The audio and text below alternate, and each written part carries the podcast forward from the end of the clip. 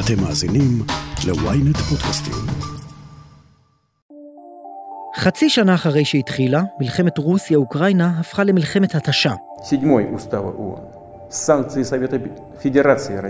והשבוע, סוף סוף הייתה הבקעה. הצבא של זלנסקי תפס את פוטין עם המכנסיים למטה, אבל כמו שאמרו חכמינו, winter is coming. כולם חוששים להתבוסס בבוץ האוקראיני בחורף. האם פוטין עומד להיכשל איפה שכבר נפלו נפוליאון והיטלר? אני שי שנרב, וזאת הכותרת.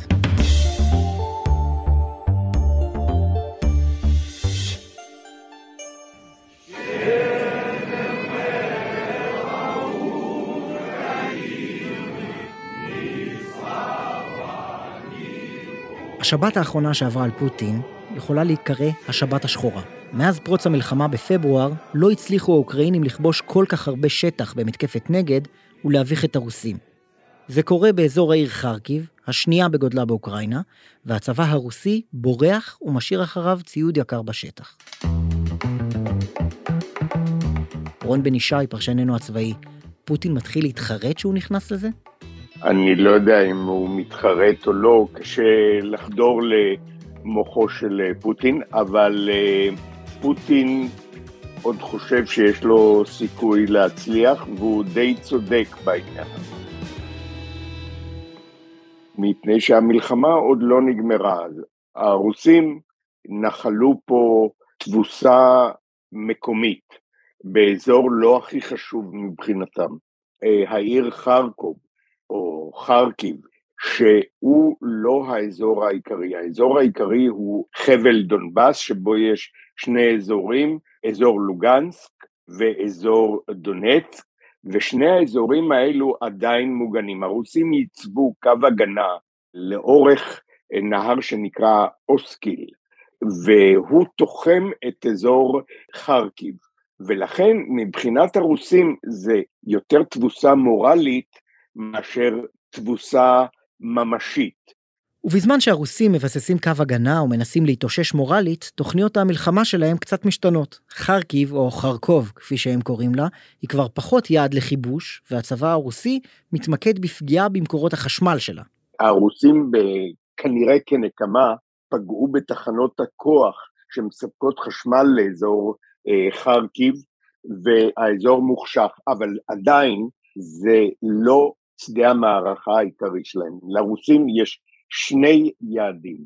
ראשית כל, האזור המזרחי, חבל דונבאס שעשיר במכרות פחם וברזל והרבה מחצבים אחרים, ואזור הים השחור סביב העיר חרסון והיכולת להתפשט לאורך חופי הים השחור עד uh, אודסה. אלה הם שני האזורים העיקריים, כשהעדיפות היא לדרום, לאזור הים השחור והעיר חרסון. ואחת הסיבות שהאוקראינים הצליחו במתקפת הפתע שלהם באזור חרקיב, היא שחלק גדול מהכוחות שהיו באזור חרקיב הוסטו כדי להגן על העיר חרסון בדרום. כולם היללו את מבצע הטעיה האוקראיני, שעשו כאילו הם הולכים לתקוף בחרסון ובסוף תקפו בחרקיב. מה שאתה אומר כרגע זה שזה כורח ולא בחירה. כדאי להבין מה שקרה פה. חלק גדול זה תוצאה של ניצול הזדמנויות. מה שקרה הוא שהאוקראינים הבינו כנראה שהרוסים הסיתו חלק ניכר מהכוחות שלהם לחרסון, ואז האזור הזה הוא אזור ענק, מישורי, של מאות קילומטרים. עכשיו, הרוסים התקדמו באזור הזה לאורך אה, צירי תנועה, ובסוף ייצבו קו שאורכו בערך כ-500 קילומטר. להחזיק קו שאורכו 500 קילומטר זה קשה מאוד, ובעיקר כשהם דיללו את הכוחות כדי להדוף את מתקפת הנגד שבאמת התנהלה ועדיין מתנהלת באזור חופי הים השחור. ומה שקרה הוא שהאוקראינים קיבלו טיפים מהכפריים שנמצאים בסביבה, שאמרו להם שהצבא הרוסי כמעט איננו שם, והם ניסו איזו פריצה קטנה באזור כפר קטן שנקרא בלקליה, ומבלקליה הם ראו שהם כאילו אה, שברו את קליפת הביצה, ואז ברגע שהם נכנסו פנימה, הם לא פגשו שום כוחות רוסים חוץ מכוחות לוגיסטיים וכוחות של רדארים, ארטילריה, עליהם הם לא היו צריכים להתגבר מפני שהרוסים ברחו, זה כוחות של, לא כוחות לוחמים. וברגע שהם הפקיעו את קליפת הביצה בבלקליה, ההתקדמות שלהם הייתה מהירה מאוד, עד שהם הגיעו לגדה של הנהר אוסקיל, והנהר אוסקיל בולם אותם כרגע, והרוסים, יחד עם בעלי בריתם, הבדלנים הפרו-רוסים, ייצבו קו לאורך הנהר אוסקיל, שהולך מצפון לדרום, מהגבול הרוסי לעבר חופי הים השחור.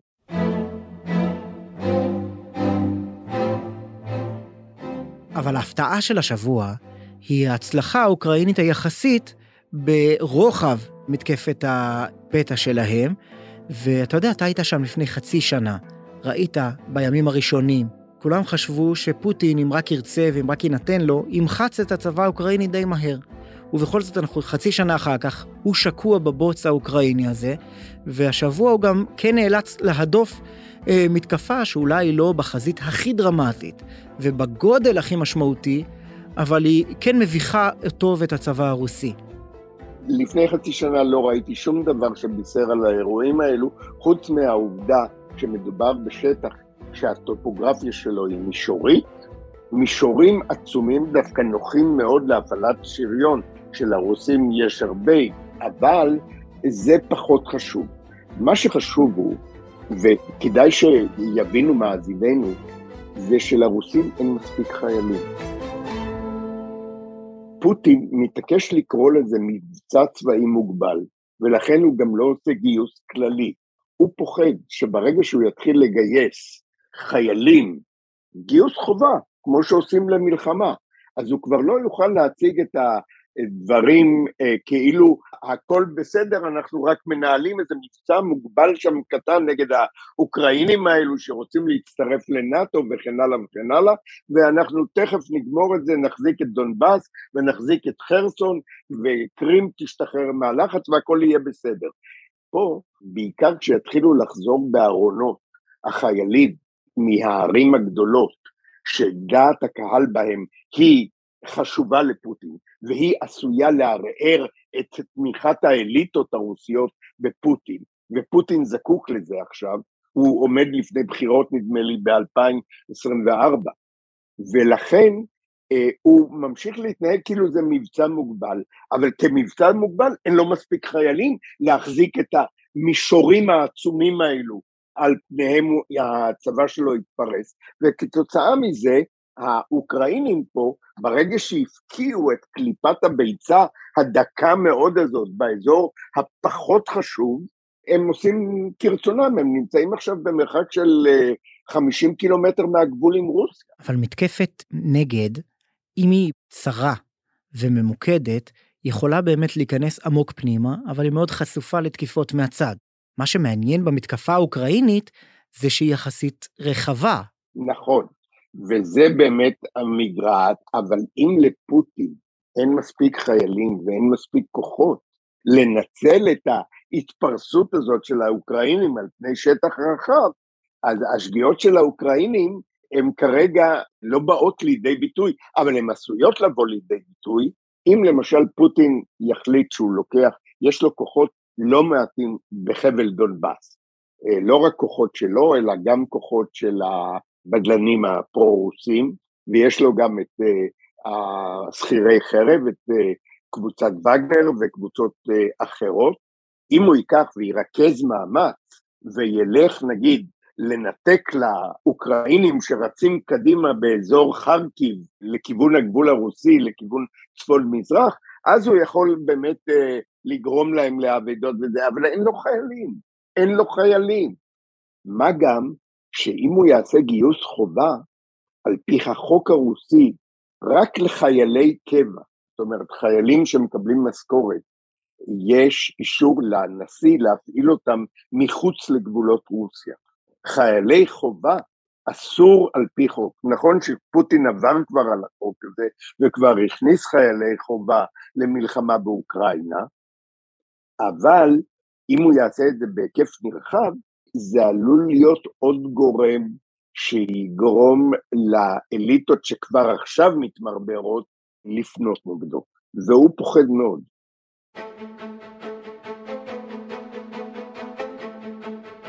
Мы уже много слышали, что Запад хочет воевать с нами до последнего украинца. Это трагедия для украинского народа. Но, похоже, все к этому и идет. אבל אני רוצה להסתכל על כל המלחמה הזאת מעיניים רוסיות. לפני חצי שנה הם נכנסו בקול רעש גדול. הטנקים הרוסים כבר היו בפאתי קייב ודיברו על כך שאולי פוטין יצליח לכפות על השלטון האוקראיני את uh, החלטותיו. עכשיו אנחנו מדברים על אחיזה בחבל דונבאס ואחיזה ביציאה לים השחור. חשובות ככל שתהיינה, הוא שקוע שם בבוץ כבר חצי שנה. תראה, אתה קורא לזה בוץ. מבחינתו זה הצבא הרוסי שהתיש את נפוליאון.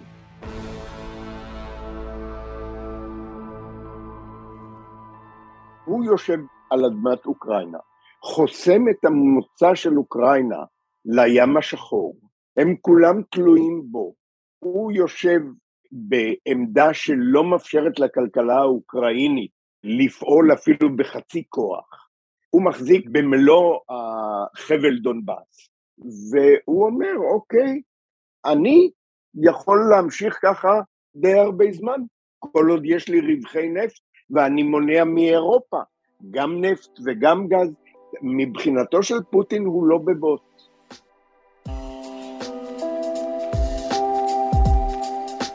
אנחנו בספטמבר עכשיו, סוף הקיץ, עוד מעט הסתיו, אבל כל מה שקורה באוקראינה מושפע גם ממזג האוויר. בעבר היטלר ונפוליאון גילו כל אחד בתורו את כוחו של גנרל חורף באזור הזה. אז הגנרל היה בצד של הרוסים. האם עכשיו פוטין עלול ליפול באותה מלכודת? הודעה קצרה, ומיד נמשיך עם הכותרת. מי עומד בראש? ומי משתף פעולה עם מי? משטרת ישראל חושפת... סקרנים? מצוין. ynet פלוס החדש, עם הסיפורים המעניינים ביותר של מיטב הכותבים. החודש הראשון בחמישה שקלים ותשעים בלבד. ynet פלוס. האמת? מעניין. למצטרפים חדשים כפוף לתנאי השימוש.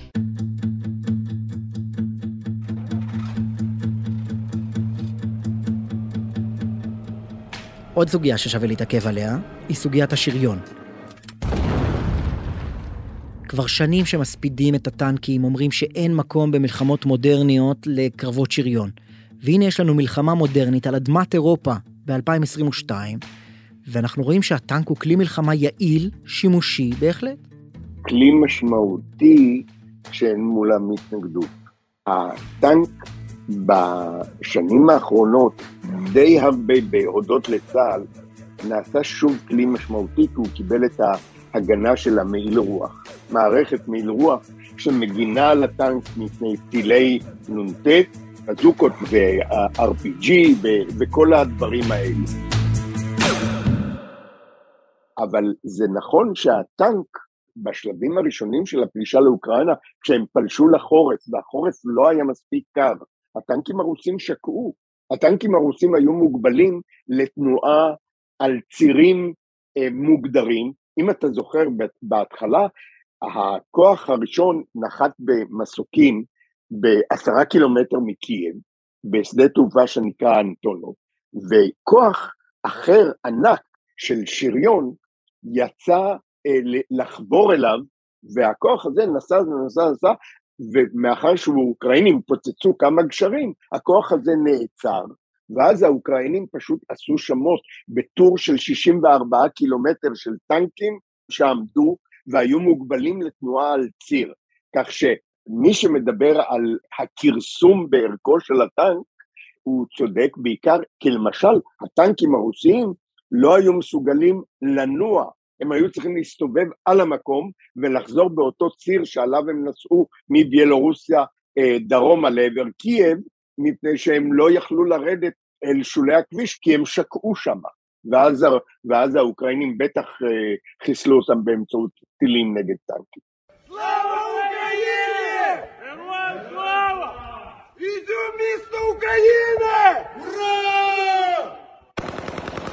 אז אם שואלים את רון, למערב לא כדאי להתבשם מהתמונות שמגיעות מאוקראינה בימים האחרונים, בהם נראים חיילים מנופפים בגאווה בדגלי כחול צהוב. כי עדיין, חרסון ואזור הים השחור נמצאים בשליטה רוסית. אם נתרגם למונחים ישראלים, האוקראינים הצליחו לבצע הבקעות בערבה, בזמן שחיפה עדיין מוחזקת בידי האויב. חרסון נמצאת במרכז על נהר הדניפרו, במרכז אה, האזור הדרומי של אוקראינה, שהוא גם אסם התבואה, גם כל הנמלים החשובים שיש לאוקראינה. אוקראינה מוגדרת כ landlocked country. ברגע שאתה שולט באזור חרסון, אוקראינה לא יכולה לייצא את התוצרת שלה. מדובר במיליוני טונות של תבואה, כמויות אדירות של פלדה ופחם ושמנים וכל מיני תוצרת חקלאית שאתה לא יכול להוציא ברכבות. ולכן אזור חרסון הוא המוצא הכלכלי של אוקראינה, שבלעדיה אוקראינה מה שנקרא סגורה ומסוגרת, והיא לא מסוגלת להתפרנס. ואזור חרקיב הוא סמלי, חשוב לרוסים וכן הלאה, להראות שהם שמה ולאיים על חרקיב, כי היא העיר השנייה בגודלה, אבל הוא לא כל כך חשוב מבחינה כלכלית ואפילו לא מבחינה אסטרטגית.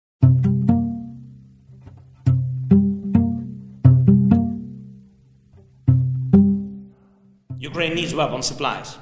We need heavy artillery, armed vehicles, air defense systems, and combat aircraft. Tanks, T-72 or similar tanks from the USA or Germany, air defense systems. אז בעצם אתה רואה במתקפת הנגד האוקראינית מהלך יחצני של זלנסקי, לא משהו עם משמעות צבאית? אני רואה בזה מהלך מאוד מוצלח של ניצול הזדמנות, קריאת מצב מצוינת של האוקראינים שאמרו, אוקיי, יש לנו הזדמנות, הם רצו כולם לחרסון להציל את חרסון, אז בואו אנחנו ננחית עליהם מכה מורלית אנושה, נבקיע את קליפת הביצה, ואחרי כן הרוסים יצטרכו לברוח, וזה כשלעצמו עלול להטות את הכף. צריך תמיד לזכור שמלחמה נמדדת על פי התוצאות הפוליטיות שלה. יכול להיות שהמהלך הזה של מתקפת הפתע האוקראינית באזור חרקיב, היא לא תשחרר אה, את נמלי הים השחור של אוקראינה, אבל היא עשויה, והיא כבר גורמת, ברוסיה, לכל אלו שתומכים במלחמה, כולל למשל המנהיג הצ'צ'ני שהוא גרופי של אה, פוטין, להגיד אה, לא מנהלים פה את העסק כמו שצריך, משהו לא בסדר, וזה זעזועים שאני מניח שפוטין חושש מהם, למרות שמבחינה צבאית המתקפת הנגד הזאת היא לא מה שתכריע. הרוסים יכולים לוותר על אזור חרקיב, לוגנסק בידיהם, דונסק בידיהם, כלומר חבל דונבאס בידיהם, באזור חרסון האוקראינים לא מתקדמים בצורה משמעותית, ועוד מעט בחורף, ובחורף גם לאוקראינים וגם לרוסים קשה לבצע מתקפות, בגלל המגבלות שדיברנו עליהן של תנועת הטנקים. כי מתקפה אתה צריך לבצע עם כלים כבדים, אתה צריך לבצע עם כלים שיכולים לבצע תנועה מהירה לאורך צירים. כעת בקיץ אין לאוקראינים בעיה לשהות במרחבים האלו במישורים, אבל בחורף העסק שונה.